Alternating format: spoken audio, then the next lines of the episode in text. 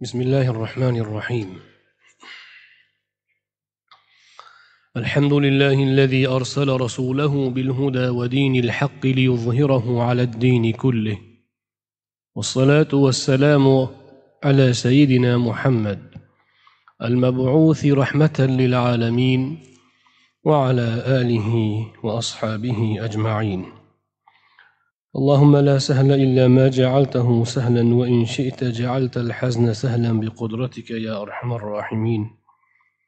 رب اشرح لي صدري ويسر لي أمري واحلل عقدة من لساني يفقه قولي. اللهم أخرجنا من ظلمات الوهم وأكرمنا بنور الفهم. السلام عليكم ورحمة الله وبركاته عزيز دين قرداشلر ilm siyrat shaydolari. Siz bilan abu iso muhammad ibn iso at termiziy rahmatullohi alayhining shamoil muhammadiya asarlaridan rasululloh sollallohu alayhi vasallamning ibodatlariga nafl ibodatlariga bag'ishlangan bobni o'tgan galgi suhbatimizda tamomiga yetkazgan edik. Bugun esa aynan mana shu bobga yana davom.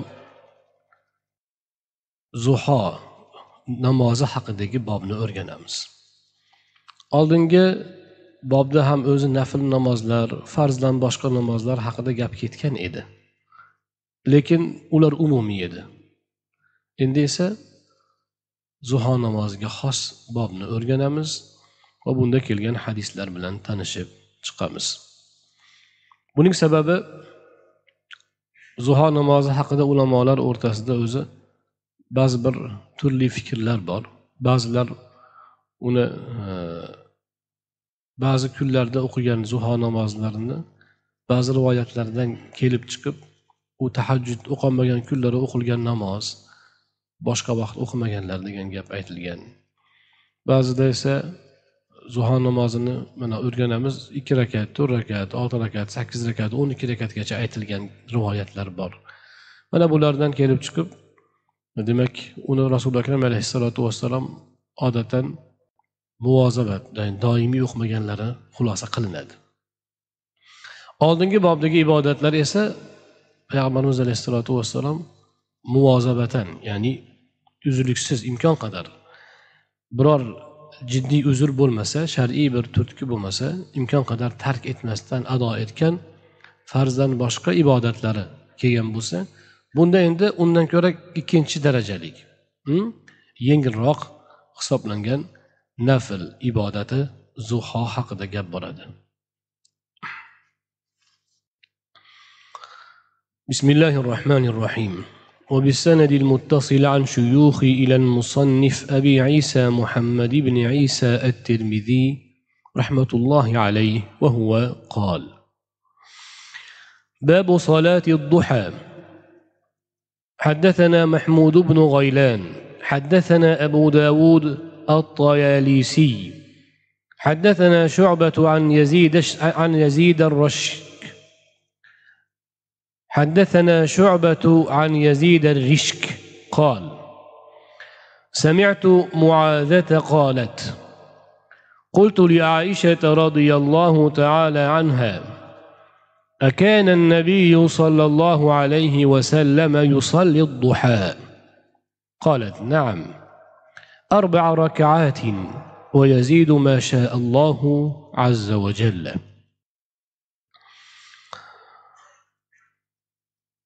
yazid ar rishkdan rivoyat qilinadi.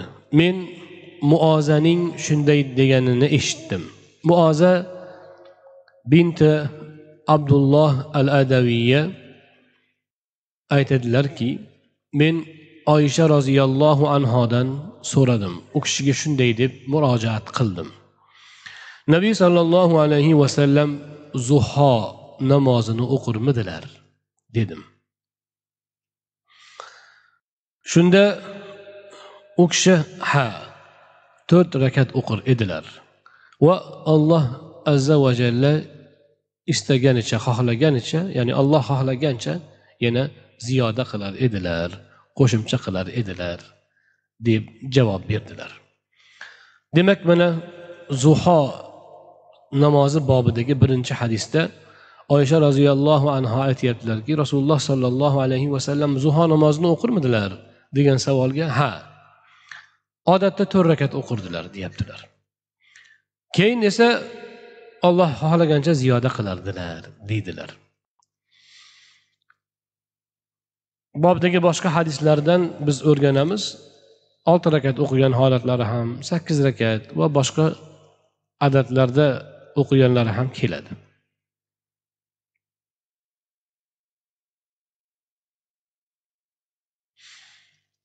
Zuho namozini ulamolarimiz aytadilar. Zuho namozi haqidagi hadislar o'n to'qqizta kibor katta sahobalardan rivoyat qilingan. Ba'zilar zuho namozini bormi yo'qmi deb bahs qiladi yo'q.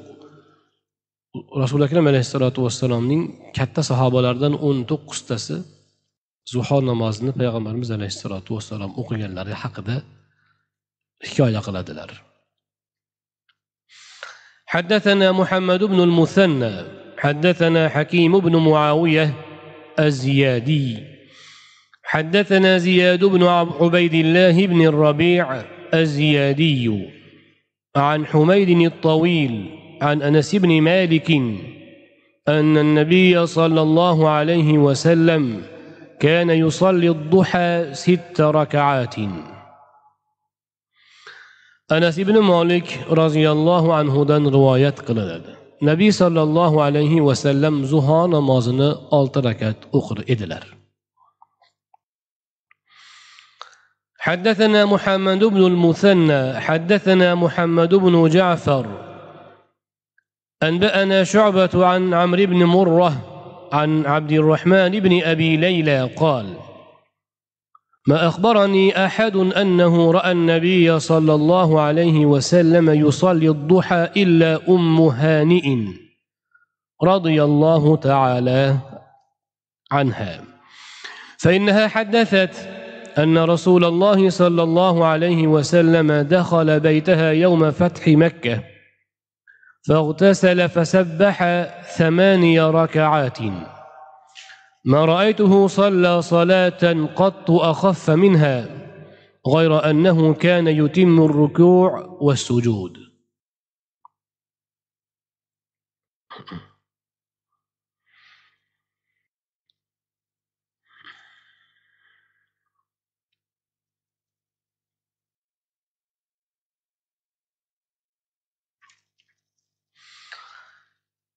Abdurahmon ibn abu laylodan rivoyat qilinadi. Aytadiki menga rasululloh sollallohu alayhi vasallam nabiy sollallohu alayhi vasallamning zuho namozlari o'qiganlari haqida zuho namozi o'qishlari haqida hech kim hech qanaqa menga bir hadis rivoyat qilmagan. Illo umuhoniy roziyallohu anho menga aytib berganki rasululloh sollallohu alayhi vasallam fath makka kuni ya'ni makka fathi kuni umuhoniyning uylariga tashrif buyurgan ekanlar. Va u joyda g'usul qildilar va sakkiz rakat namoz o'qigan ekanlar.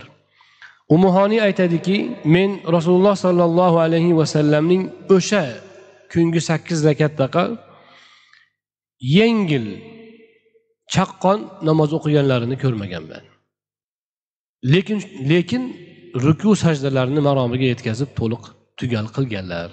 Ya'ni shoshib o'qimaganlar lekin yengil o'qiganlar deydi ummu honiy roziyallohu taolo anho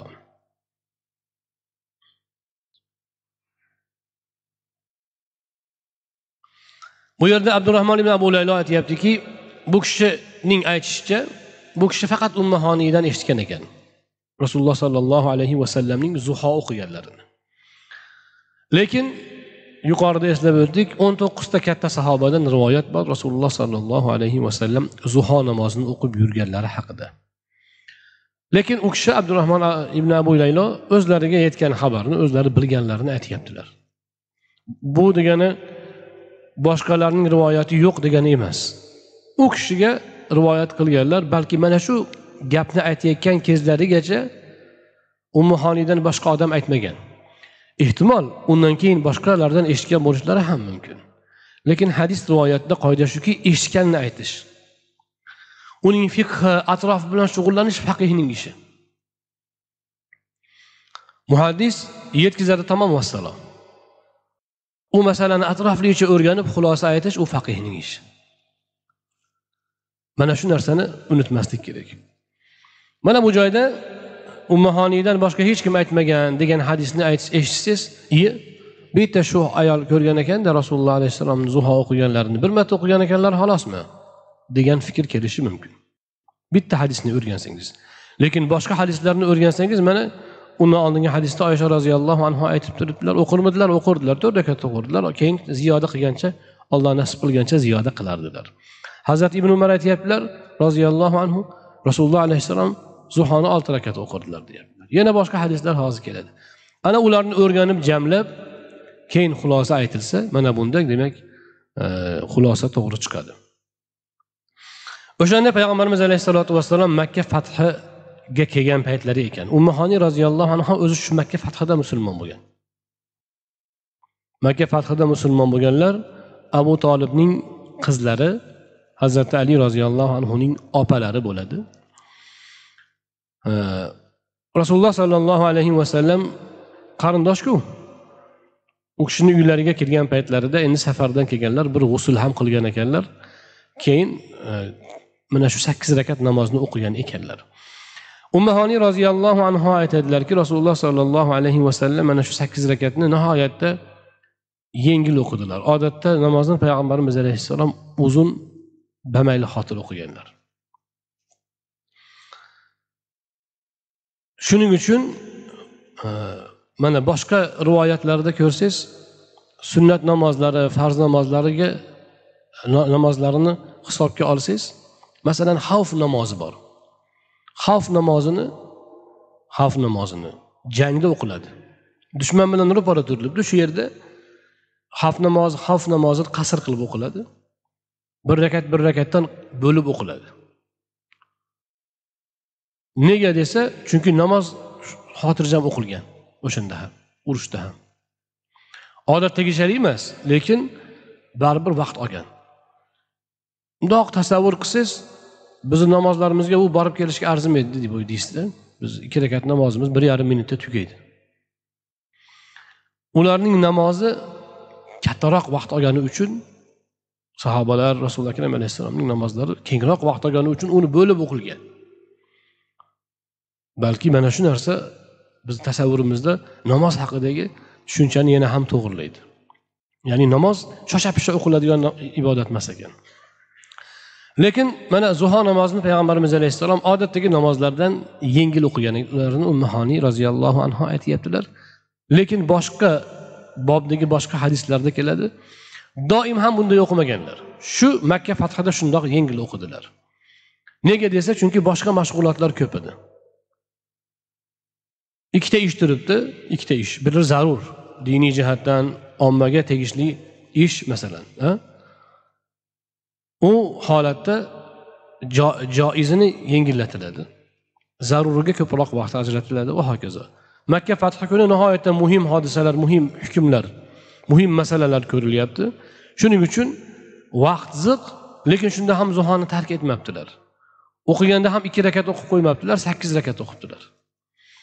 Lekin ixcham o'qibdilar. Nega uni qisqartirib ikki rakat o'qib qo'yavermadilar desa o'zi odatda ikki rakat ham to'rt rakat ham o'qiganlar mana boshqa rivoyatda kelyapti. Lekin makkaga kirgan paytlarida shuni odatda sakkiz rakat o'qirkanlar ko'proq. Ana o'shani afzal sanaganlaridan sakkiz rakat o'qigan ekanlar. Lekin yengilroq o'qibdilar chaqqonroq o'qibdilar ammo ruku sajdasi tugal ekan ruku sajdasi shoshib qilinmagan. rostmoni bus butun to'liq ruku sajda itminon deydi har bitta amalni tinish bilan namozni ado etgan ekanlar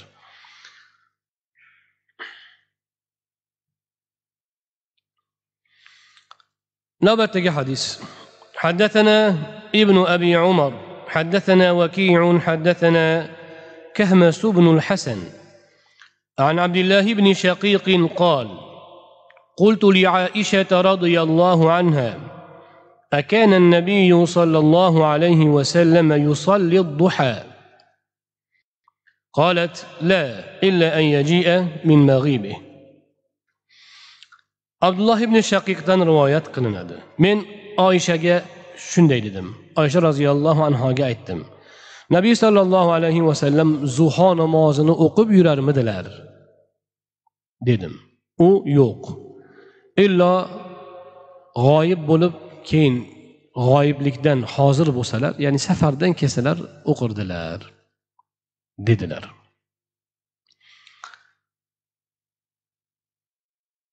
Oldingi birinchi hadisda oysha roziyallohu anhu o'zlari rasululloh alayhissalotu vassalom zuhoni o'qirmidilar desa ha deyuvdilar. Rasululloh sollallohu alayhi vasallam zuho namozini o'qib yurarmidilar. Savol bir xil qarang akana nabiyu sollallohu alayhi vasallam yusolli duha. Nabiy alayhissalom zuho namozini o'qib yurarmidilar degan bir xil savol. Muoza binti abdullohga ha o'qirdilar to'rt rakat o'qirdilar dedi oysha roziyallohu anhu endi abdulloh ibn shaqiq so'rasa yo'q deyaptilar. Nima degani? Qandoq tushunsak bo'ladi? Bu yerda muhaddis ulamolarimiz mana shu e, joyda hadis aytilayotgan voqelikni hisobga olingan deydilar. Muaza binti abdullohning savoli uyda o'qirmidilar degan ma'noda. Ayol kishi so'rayapti. Uydagi holat. Ha uyda o'qirdilar. Abdulloh ibn shaqiq so'rayapti u kishi odatda erkak kishi masjidda o'qiydiku namozni. O'qirmidilar rasululloh alayhissalom zuhoni deganda go'yo masjidda o'qirmidilar degan ma'no bo'lgan bu yerda. Bunga oysha roziyallohu anhu yo'q deyaptilar. Yo'q. Masjidda o'qimasdilar odatda zuhoni. Illo safardan kelsalar shunda masjidda o'qirdilar deyaptilar. Ana hadis mana shu bilan ikkala hadis bir biridan bir biriga zid ma'no emas balki bir birini to'ldiruvchi bo'lib jamlanadi. Rasululloh sollallohu alayhi vasallam safarga chiqishdan oldin ham namoz o'qirdilar. Safardan kelganda ham birinchi ishlari namoz o'qish bo'lar edi. Ana o'shanda safardan kelgan paytlari agar demak zuho vaqtiga to'g'ri kelsa avval zuho namozini o'qib zuho bo'lmasa ham boshqa nafl namoz o'qib keyin boshqa ishga o'tardilar safardan kelganda mana shu sunnat bor. Safarga ketishdan oldin ham sun, e, nafl o'qiladi ikki rakat kelganda ham ikki rakat nafl o'qiladi. Ketishdan oldin duo allohdan panoh so'rash iltijo ma'nosida qaytib kelganda esa shukrona ma'nosida nafl namoz o'qiladi. Mana bu yerda demak oysha roziyallohu anho aytyaptilarki rasululloh sollallohu alayhi vasallam zuho namozini demak masjidda doim o'qimasdilar odatda safardan kelganda masjidda o'qirdilar boshqa vaqt demak odatda uyda o'qir edilar deydilar.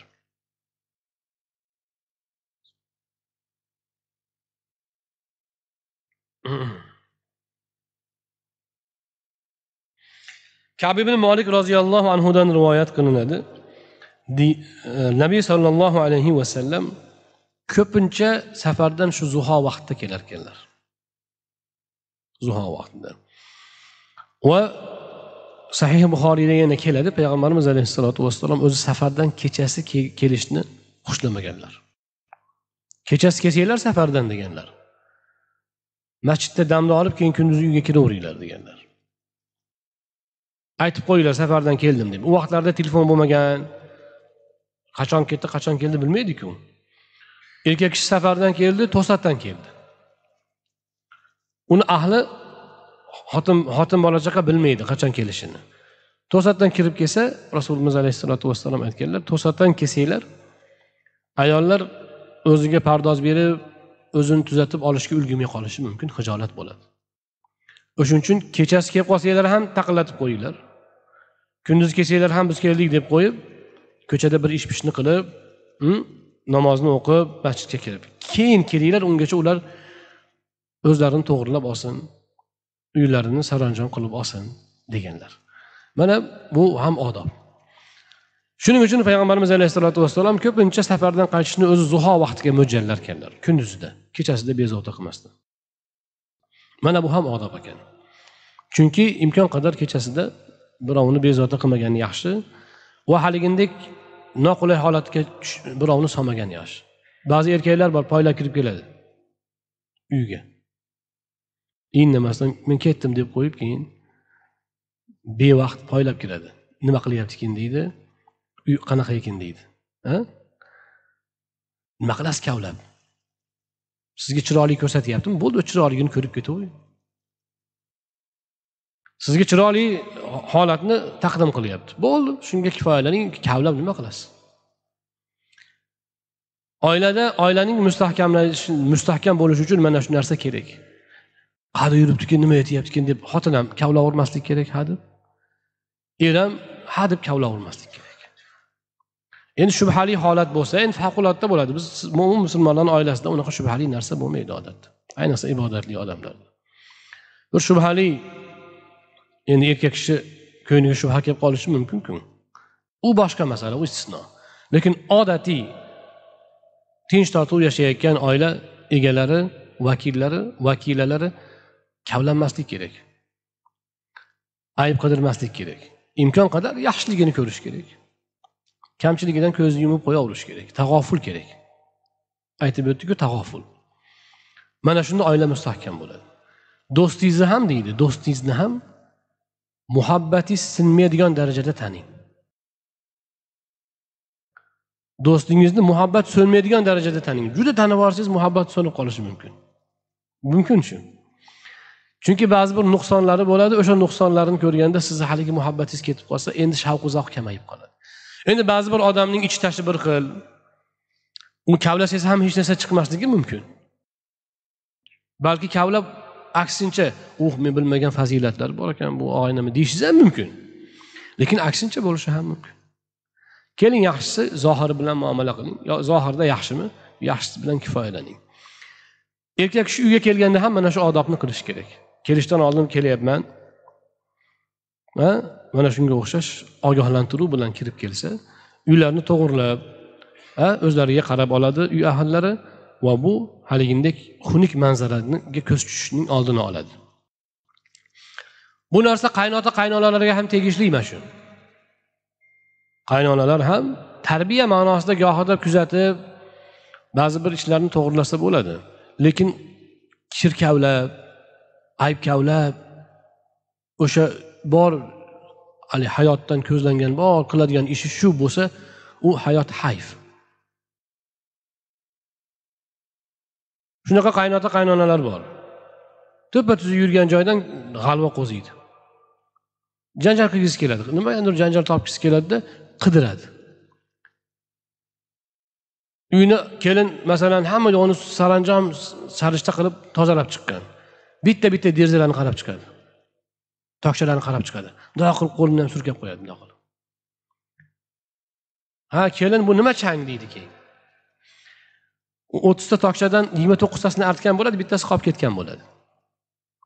O'sha bitta tokchadan changni topib keyin janjal ko'taradi. Buni bo'lmaslik kerak.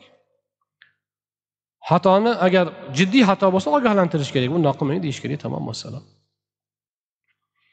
Qaynona qaynotalar ham ayniqsa qaynonalar ham kelinning aybini qidirish emas yopib isloh qilish harakatida bo'lishlari kerak agar kamchiligi bo'lsa aytadigan kamchiligi bo'lsa ham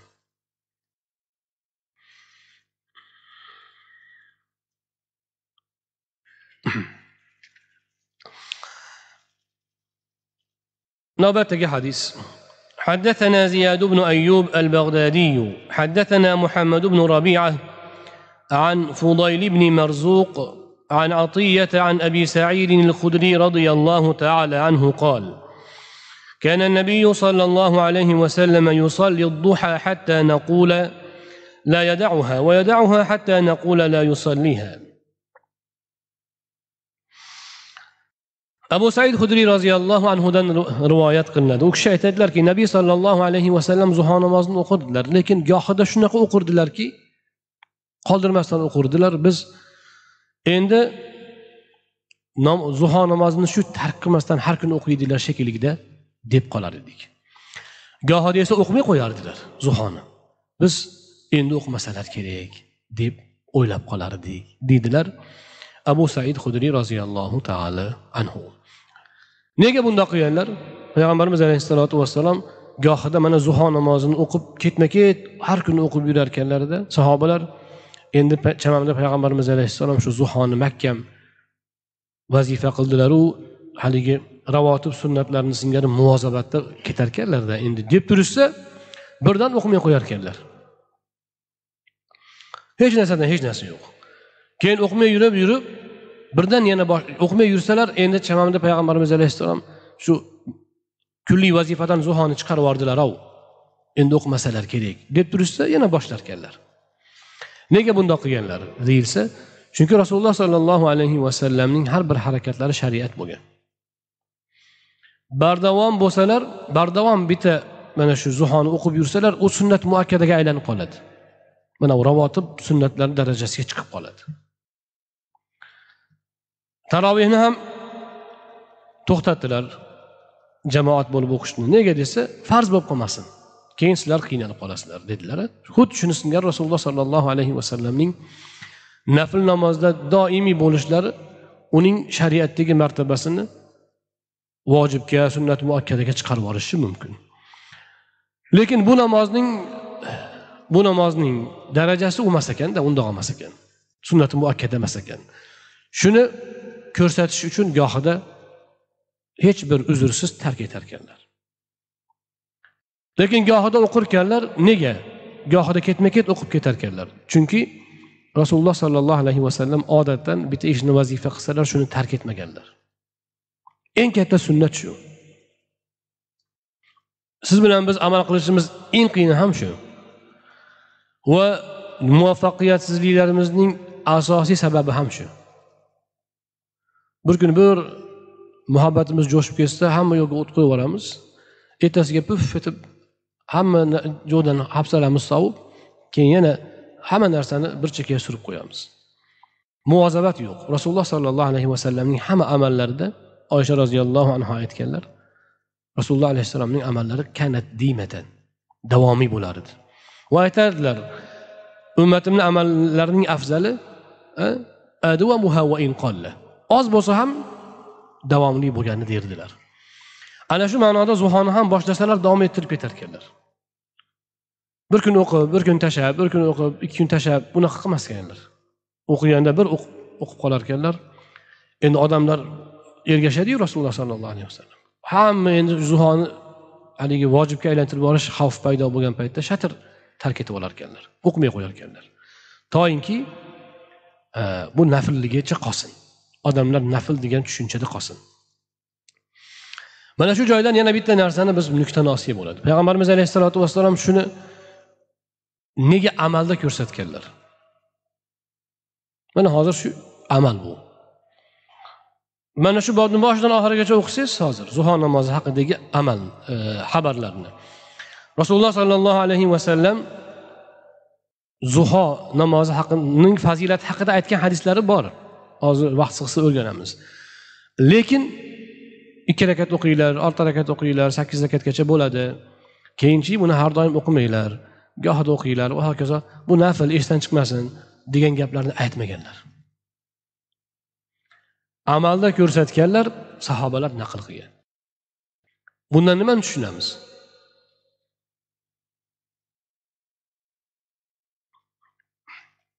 Bundan payg'ambarimiz alayhissalotu vassalom dinni dinning katta qismini o'zi hammasini hammasini amalda ko'rsatganlar va katta bir qismining so'zsiz aytgan o'rgatganlar. So'zsiz. So'z bilan ham o'rgatganlar. Mana hadis aytib amalda ko'rsatib berishlari ham bor. Lekin yana rasululloh alayhissalomning bir qancha amallari bor uning so'zi yo'q uni. U haqida hadisning og'zaki naqli yo'q. Lekin amaliyotda ko'rsatganlar. Va mana shu narsa sahobalar va ulardan keyingi tobeinlarga faqihlarga ham ko'chgan. Sahobalar ham hammasiga hamma harakatga rasululloh akram alayhissalomdan o'rgangan hamma ta'limotini hammasiga hadis aytib o'tirmagan. Yoki hamma fatvosiga ham hadis aytmagan. Hazrati hazrati umar roziyallohu anhu hazrati ibn masud roziyallohu anhular muftiy sahobalar misol uchun zayd ibn sobit roziyallohu anhu. Har bitta gapiga men rasulullohdan eshitganman manaqa deganlar anaqa deganlar deb o'tirmagan. Aytganini aytgan aytmaganini amaliyot yoyinki shundoq fatvoning o'zini aytib ketavergan uning hadisini aytib o'tirmagan. Mana shu ta'lim mushtahid imomlarning birinchi ikkinchilar davrigacha davom etgan. Shuning uchun ba'zi bir fiqhiy mazhablarning dastlabki fiqhiy mazhablarning dastlabki demak e, yo'nalishlarida mana shu narsani ko'rishimiz mumkin. Ularda amaliyot ustun turgan hadis aytishdan ko'ra.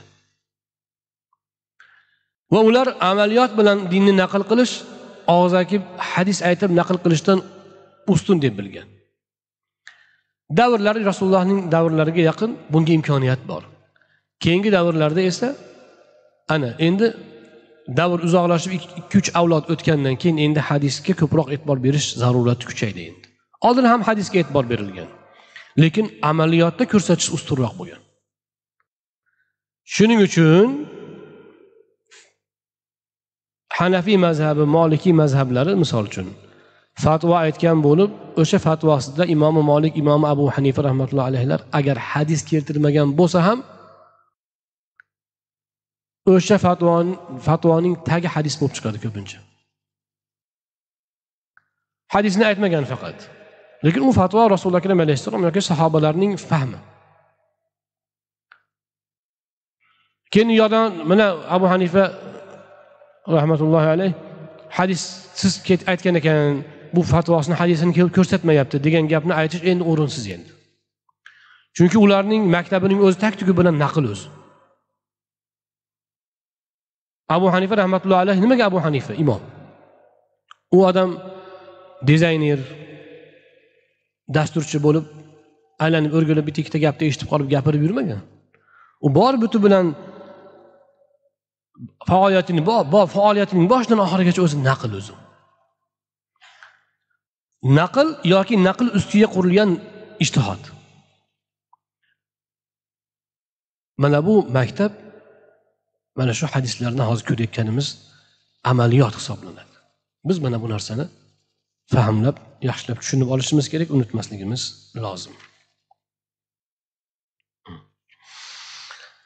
حدثنا أحمد بن منيع عن هشيم أنبأنا عبيدة وهو ابن معتب عن إبراهيم عن سهم بن منجاب عن قرثع الضبي أو عن قزعة أو عن قزعة عن قرثع.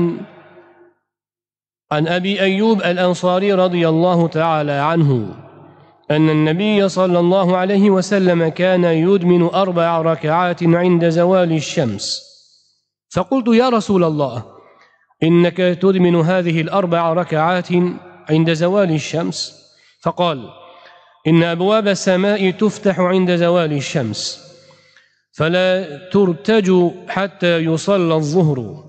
فأحب أن يصعد لي في تلك الساعة خير. قلت أفي كلهن قراءة؟ قال نعم. قلت هل فيهن تسليم فاصل؟ قال لا.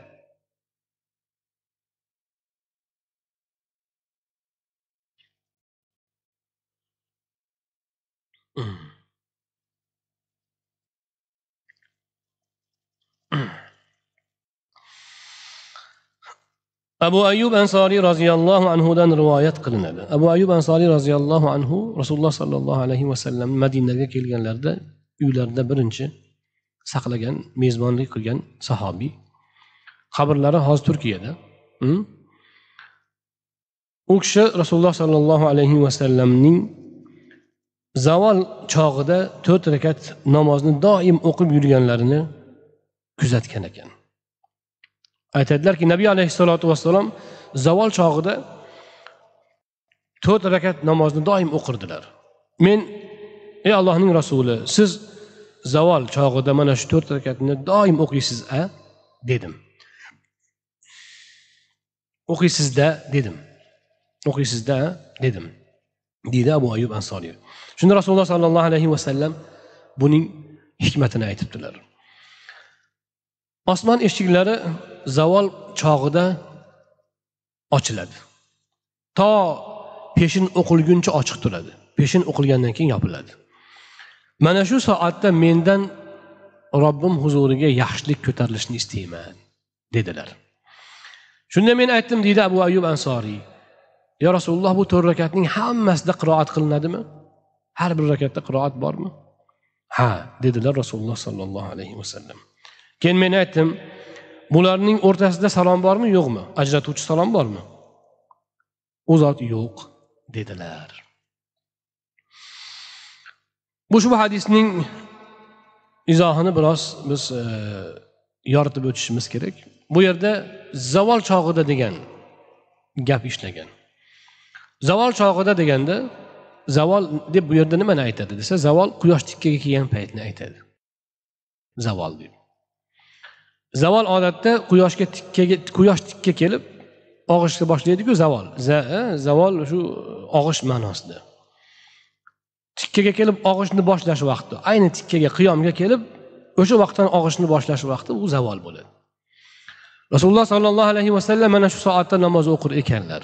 To'rt rakat. Buni ba'zilar zavol sunnati degan zavol sunnati degan alohida namoz bo'lgan deb ham tavil qiladi. Ya'ni mana shundoq izohlashadi. Unda zavoldan oldin o'qib olgan bo'ladilar. Zuhoning oxirgi vaqti bo'ladi. O'zi zuho namozining vaqti yer qizigandan boshlab o'sha zavolgacha. Lekin zavolga taqamagan yaxshi sal ertaroq o'qish kerak. Lekin birinchi vaqtda emas.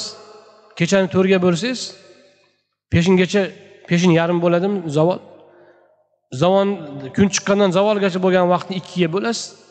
Shuni ikkinchi qismida o'qigan afzal zuhoni. Lekin zavolgacha tahir qilish yaxshi sanalmaydi endi mana bu rivoyatni zohirini olib qaraganda go'yo zavol vaqtida sal oldin o'qilayotgan bo'lyapti. Lekin boshqa ulamolar aytadilarki yo'q. Bu alohida zavol namoz degan namoz emas bu peshinning to'rt rakati peshindan oldingi to'rt rakat bu yerda nazarda tutilyapti degan demak izohni ham aytadilar.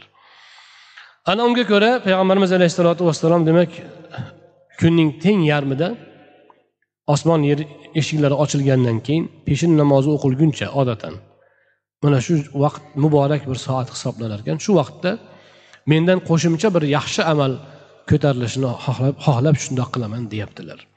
Bu to'rt rakatni butun o'qirkanlar va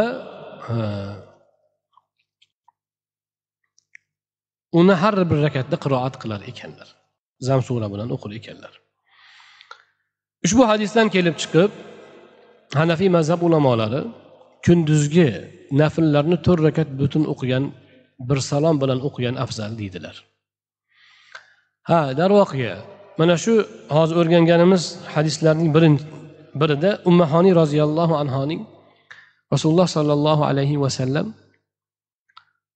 makka fathida zuho o'qiganlarini aytdilar nafl namoz zuho rasululloh makka fathida musofir bo'lganlar. Musofir bo'lganlar. Demak zuhoniki qoldirmasdan o'qiyotgan bo'lganlaridan keyin deydi ulamolar namozning sunnatini ham o'qigan bo'ladilar. O'ravotib undan afzalku. Musofir holatda bo'lsalar ham zuho naflni o'qiyaptilarmi? Demak namozning sunnatini ham o'qigan bo'ladilar degan istinbotni xulosani oladigan oladi ba'zi olimlarimiz. Mana shundan demak biz tushunishimiz kerak safarda imkoniyat bo'lgan paytda demak sunnatni o'qishimizga o'qishga harakat qilishimiz kerak. Endi bu hozirgi bu o'sha hadisga tegishli izoh edi bu hozir gap orasida esimga tushib qoldi. Endi bu hadisdan esa biz rasululloh sollallohu alayhi vasallamning kunduzgi namozlarni to'rt rakat o'qiganlarini tushunamiz jumladan mana peshinning to'rt rakat sunnatiga mana shu hadis ham dalil bo'ladi deydilar أخبرني أحمد بن مانع حدثنا أبو معاوية حدثنا عبيدة عن إبراهيم عن سهم بن منجاب عن قزعة عن قرثع عن أبي أيوب الأنصاري رضي الله عنه عن النبي صلى الله عليه وسلم نحوه imom termiziy boshqa bir san'at bilan abu ayub ansoriydan yana ushbu hadisning ayni o'zi rivoyat qilinganini ta'kidlamoqdalar. حدثنا محمد بن المثنى حدثنا أبو داود حدثنا محمد بن مسلم ابن أبي الوضاح عن عبد الكريم الجزري عن مجاهد عن عبد الله بن السائب أن رسول الله صلى الله عليه وسلم كان يصلي أربعا بعد أن تزول الشمس قبل الظهر وقال إنها ساعة تفتح فيها أبواب السماء فأحب أن يصعد لي فيها عمل صالح عبد الله بن صائب رضي الله عنه دان رواية قلنا النبي صلى الله عليه وسلم قياش قيامدان اقاندان كين peşin namazdan aldın, tör rekat namaz okur edilir. ادلر ayetler edilir ki, bu, bu payette, bu şimdi soatki shunday bir vaqtki shunday bir fursatki bu paytda osmonlarning eshiklari ochiladi. Va men mana shu paytda o'zimdan solih amal robbimga ko'tarilishini yaxshi ko'raman deydilar. Mana bu hadisdan demak oldingi hadisdagi ayni mazmun takrorlanyapti. Endi bunda zavol payti degan haligi zavoldan oldingi ham keyingi ham tortaveradigan jumla ishlamayapti. Buni aniq masala aniqlashtirilyapti o'zbekchasiga aytganda konkretlashtirilyapti ya'ni zavoldan keyin peshindan oldin o'qir edilar. To'rt rakat namoz o'qir edilar deyaptilar va sababi o'sha oldingi hadisdagi gap.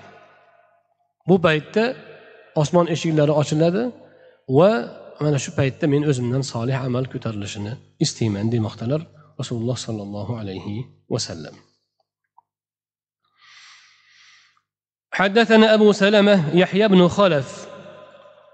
حدثنا عمر بن علي المقدمي عن مسعر بن كدام عن أبي إسحاق عن عاصم بن ضمرة عن علي أنه كان يصلي قبل الظهر اربعا وذكر أن رسول الله صلى الله عليه وسلم كان يصلي عند الزوال ويمد فيها.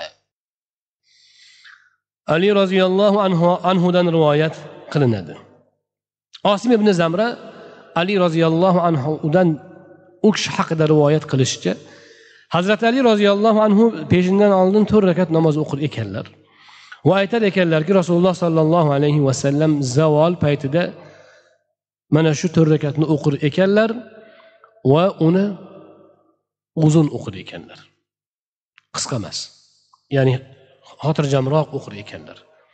Zam suralari uzunroq ruku sajdalari uzunroq mana shundoq o'qir ekanlar. Demak hazrati ali roziyallohu anhu rasululloh sollallohu alayhi vasallamning amallariga ergashar ergashishlarini ko'rsatyaptilar va o'sha qilayotgan amallari aynan payg'ambarimiz alayhissalotu vassalomning demak sunnatlari ekanini izohlamoqdalar. Bu yerda mana mana shu hadisda mana shu hadisda rasululloh sollallohu alayhi vasallam o'sha to'rt rakatni demak uzun o'qishlari ya'ni xotirjam o'qishlari ta'kidlanmoqda. Bu uchta oxirgi uchta hadis o'zi peshinning sunnatiga tegishli asli. Peshinning sunnati o'zi bu. Lekin bu zuho haqidagi bobda nega bu hadislar kelyapti deyilsa ba'zilar mana shu zuho namoziga ham tavil qilgan ekan haligi zavoldan oldingi hadisni. Yoki zuhoga o'xshash yana bitta namoz degan tavilni ham aytgan ekanlar. Shuning uchun bu bobga ilova qilingan degan gapni aytadi. Yana ba'zi shorihlar aytadilarki o'zi asli bu yerda bu hadislarni alohida zuho bobi deb ajratmagan imom termiziy oldingi farzdan boshqa tashqari ibodat bor ediku nafllar ravotiblar bor edi tahajjudlar. Asli shu bobga qo'shilib ketgan bob bo'lgan bu. Lekin ayrim nusxalarda zuho bobi deb ajratilgan zuho mavzusi ochilgan paytda. O'zi mana shu bobni olib qo'ysangiz tinchgina. Tinchgina olib qo'yilsa hammasi butun bo'lsa umuman farzdan boshqa nafllar bo'ladi. Zuho ham kiraveradi tahajjud ham kiraveradi ravotib ham kiraveradi. Mana shunda to'g'riroq bo'ladi deydi. Shunda mana bu hadislarni bu bob mana shu bobga tegishli bobga kiritilishi aynan mana shu o'rinda kiritilishi tushunarsizligi yo'qoladi. Nega zuho deb turib farz peshinni sunnatini aytilyapti degan savolga o'rin qolmaydi deydi shorihlarimiz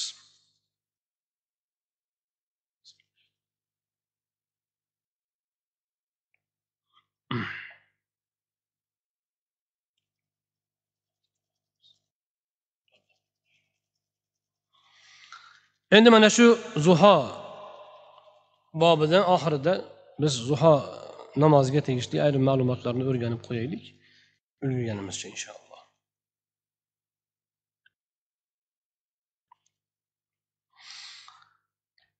Zuho namozi o'zi choshgoh namozi degani. Choshgoh deb shu yerni quyosh qizdirgandan keyingi payt hisoblanadi.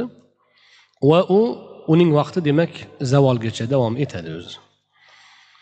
Lekin mustahab vaqti bu kecha shu kunning birinchi yarmini ikkiga bo'lsangiz o'sha birinchi yarmining ikkiga bo'lingan qismining ikkinchi bo'lagida o'qilgani afzal. Chunki oldingi qismida ishroq bor. Kun chiqmay turib bomdod bor.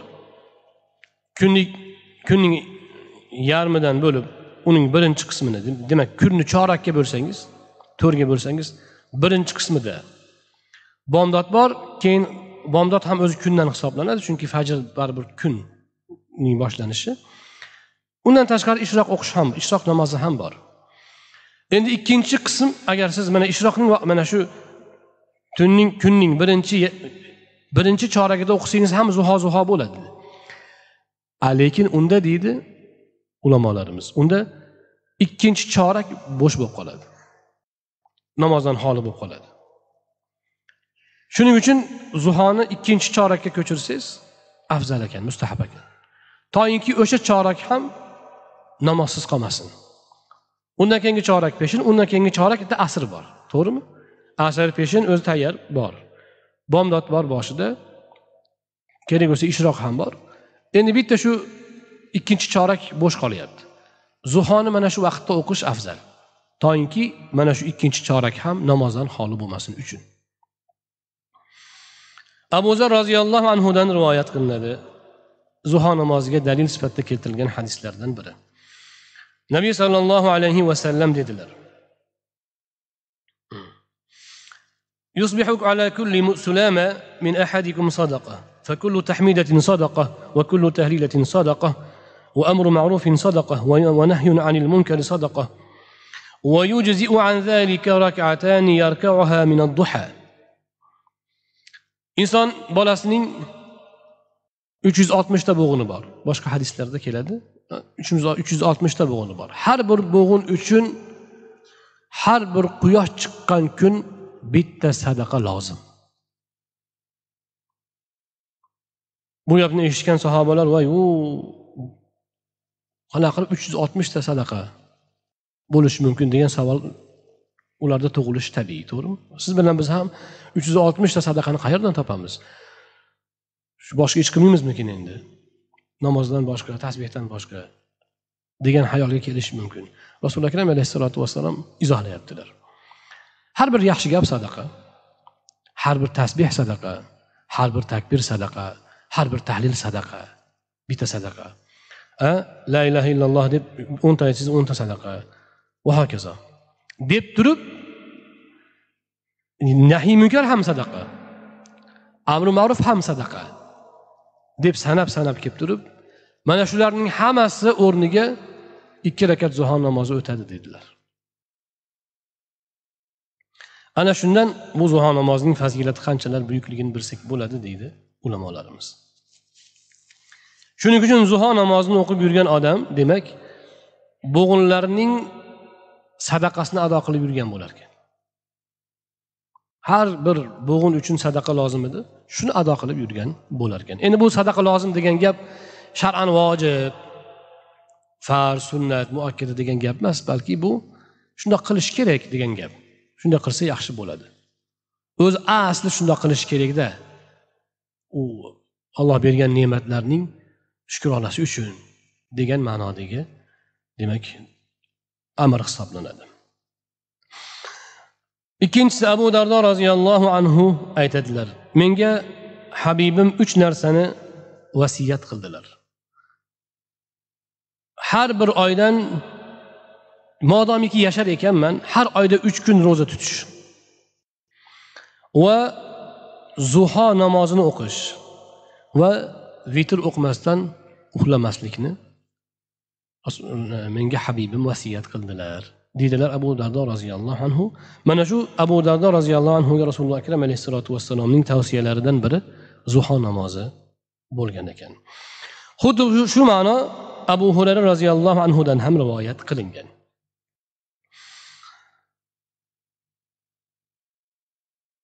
Rasululloh sollallohu alayhi vasallam zuho namozini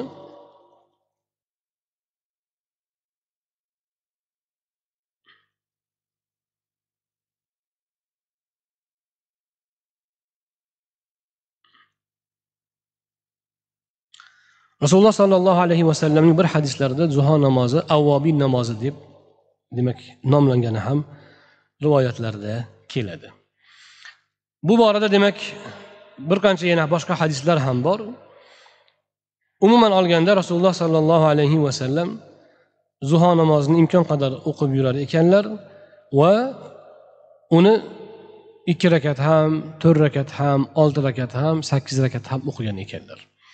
O'n ikki rakat o'qiganlari ham ba'zi rivoyatlarda keladi lekin boshqa guruh ulamolar o'n ikki rakat o'qiganlari zuho deb o'ylangan lekin u tahajjud o'qimagan kunlari kunduzi uni qazo qilganlari bo'lgan degan izohni aytadilar. Ya'ni bu ehtimoli yuqori bir izoh. Shuning uchun demak ikki rakat loaqal zuho namozini o'qib yurilsa nihoyatda yaxshi bo'ladi. Va rasululloh sollallohu alayhi vasallamning sunnatlaridan biriga ergashgan bo'lamiz. Shu bilan birga haligindek bo'g'inlarning demak haqqini ado etgan bo'lamiz.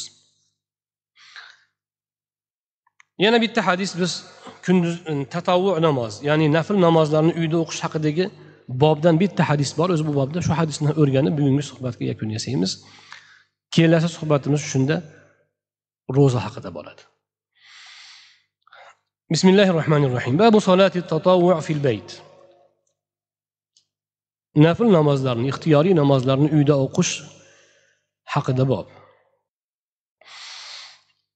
حدثنا عباس العنبري حدثنا عبد الرحمن بن مهدي عن معاوية بن صالح عن العلاء بن الحارث عن حرام بن معاوية عن عمه عبد الله بن سعد قال سألت رسول الله صلى الله عليه وسلم عن الصلاة في بيتي والصلاة في المسجد. قال قد ترى ما أقرب بيتي من المسجد.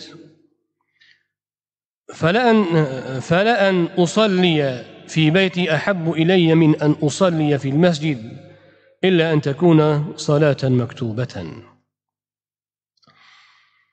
عبد الله بن سعد roziyallohu anhudan rivoyat qilinadi men nabiy sollallohu alayhi vasallamdan uyda namoz o'qishim va masjidda namoz o'qishni haqida so'radim ya'ni yo rasululloh men uyda qanaqa namoz o'qiyin masjidda qanaqa namozlarni o'qiy deb so'rabdilar shunda payg'ambarimiz alayhissalotu vassalom shunday javob beribdilar uyim masjidga qanchalik yaqinligini ko'ryapsan.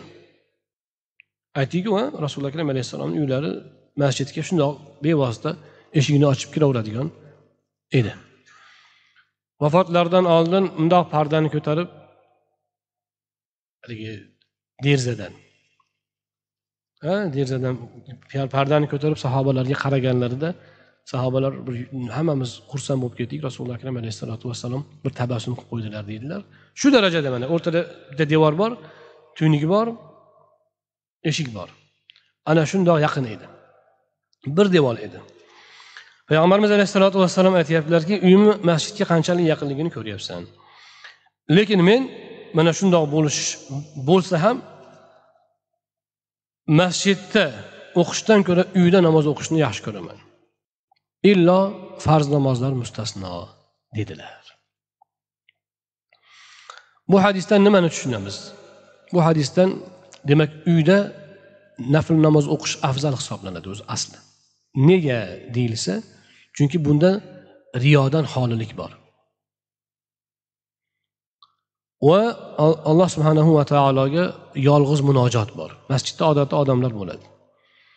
Va shu bilan birga uyga baraka farishtalar nozil bo'lishining demak sababi qoim bo'ladi. Shuning uchun uyda namoz o'qish afzal hisoblanadi.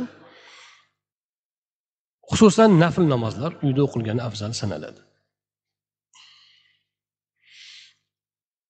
Lekin ravotib sunnatlar o'tgan safar aytganimizdek ularning vazifalari bor. Ulardan ko'zlangan maqsadlar bor. Bular ado topishi uchun shu bilan birga biz ikkinchi jihatdan baribir masjidda namoz o'qishning boshqa hadislarda keladi. O'ziga xos fazilatli jihati ham bor. Masalan o'zimizdan kelib chiqsak masjidda boshqacharoq xushu huzu bo'lishi mumkin. Sahobalardan farqli ravishda. Masalan siz bilan bizda uyda bola chaqa bor to's to'polon uydagi muhitimiz masjidni singari bo'lmagani uchun aytaylik ba'zan kimnikidir uydagi namozdan masjidda namozimiz xushuli bo'lishi ham mumkin. Lekin uy baribir namozsiz qolmasligi kerak. Ana uyda nafl namozlar o'qilishi kerak. Gohida mana bomdodni sunnatini o'qib kelsangiz bo'ladi. Lekin haligidek orada fosila uzilish bo'lmasin. Birovlar bilan gaplashib boshqa narsaga chalg'ish bo'lmasligi kerak. Agar unaqa holatlar ehtimoli bo'lsa unda masjidda o'qigan afzal sanaladi.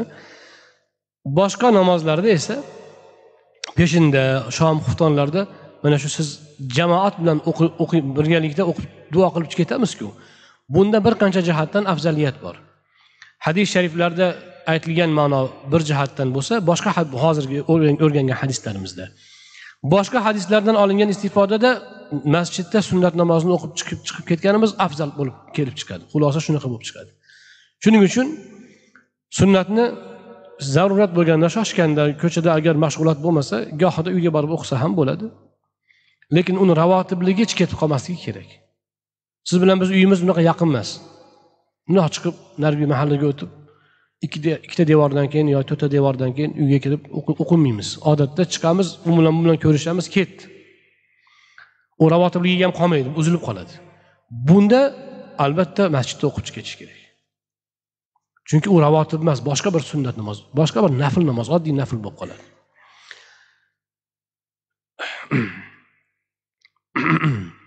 Mana shu bilan demak rasuli akram alayhissalotu vassalomning namozlariga doir hadislarni ushbu kitobdan o'qib yakunlagan bo'ldik. Inshaalloh kelgusi suhbatimiz payg'ambarimiz alayhissalotu vassalomning ro'za ibodatlarini qanday ado etganlari xususan nafl ro'zalarni qandoq ado etkenleri hakkında baradı.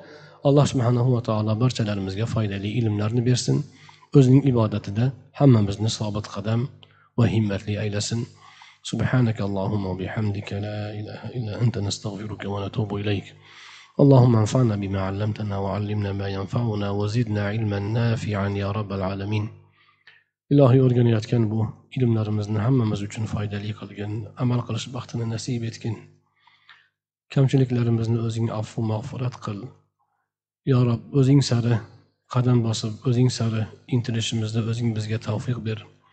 O'zingdan o'zgada na quvvat bor va na qudrat bor. Sen hidoyat qilmasang biz hidoyat topolmaymiz. Sen bizni qo'llamasang biz kuch quvvat topolmaymiz.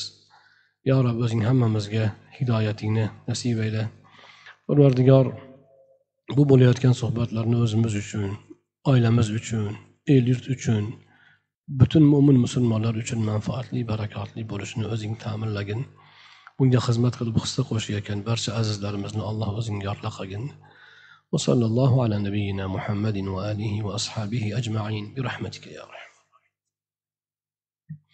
musofirlarni haqqiga duo qilamiz ekan duo so'rayotganlar bor ekan endi men fursatdan foydalanib aytib qo'yaman mana bu bizning bizni mana suhbatlarimizni jonli kuzatayotgan azizlarimiz gohida salom berishadi A duolar qilishadi. Barchalariga biz alik olib yozolmasak ham ko'rganimizda albatta o'zimiz alik olib qo'yamiz va alaykum assalom deb. Inshaalloh ana o'sha aligimizni biz yetkazolmasak ham alik olingan deb qabul qilasizlar. Lekin salom beringlar deb biz talab qilmaymiz. Salom bersanglar u bir sunnat savob bo'ladi. Biz e, demak alikni o'zi eski fiqiy kitoblarimizda ham bor. Bir kishi salom yo'llasa maktub yozyapti boshida assalomu alaykum deb yozib yuborsa degan. Javobda va alaykum assalom deb yozish shartmi shart emasmi degan savol bo'lgan. Oldindan. Mana bu hozirgidaqa darrov tez xabar olib berdingiz emas. Qadimdan yozib yubordingiz assalomu alaykum deb yozib jo'natib yubordingiz bir oyda maktub yetib bordi. Hmm. undan ham oldin. Mana oldin. O'shanda fiqhiy kitoblarimizda shuni bahs qilgan ulamolarimiz. Shunga javob yozish shartmi shart emasmi? Deganda ko'pchilik ulamolar aytganki xatni ko'rganda va alaykum assalom desa ado topadi o'zi. Xatni ko'rgan paytda va alaykum assalom alloh sizni ham salomat qilsin desa va alaykum assalom deb yozmasangiz ham o'zi o'tadi. Chunki gohida yozish o'rinsiz bo'lib qolishi mumkin gohida javob kutilmagan maktub bo'lishi mumkin va hokazo. Shuning uchun biz hammalariga bir ko'rganimizda va hozir ommatan va alaykum assalom deymiz. O'shalar orasida duo so'raganlarimiz bor ekan. Duo haqlariga duo qilamiz musofirlarimiz bor ekan. Parvardigori o'zing barcha bizni kuzatib turgan azizlarimiz aka uka opa singillarimizni ham o'zing yorla qilgin. Alloh ularni muhabbatlarini ziyoda qilgin. Hammalarini dillaridagi yaxshi maqsad muddaolardan afzaliga erishtirgin. Yaxshilikda hammamizni o'zing jamlagin. Musofirlarimiz safarlarini bexatar maqsadlarini hosil qil. Halol rizq topish uchun qilayotgan bu harakatlarini alloh o'zingni roziligingga muvofiq bo'lib buyuk bir allohning yo'lidagi jihod halol rizq topish ham jihodning bitta turi. Ana shunday savobga alloh o'zi muvaffaq bo'lishlarini nasib ayla ahli oilalarini o'zingga omonat ularni o'zing panohingda asragin. Ahllari bag'riga sog' omon kelib ular bilan ko'zlari quvnab yaxshi hayot kechirib yurtda rizqlari yana ham keng bo'lishini alloh o'zing ana shunday kenglik farovonliklarni alloh o'zing muyassar qil. وصلى الله على نبينا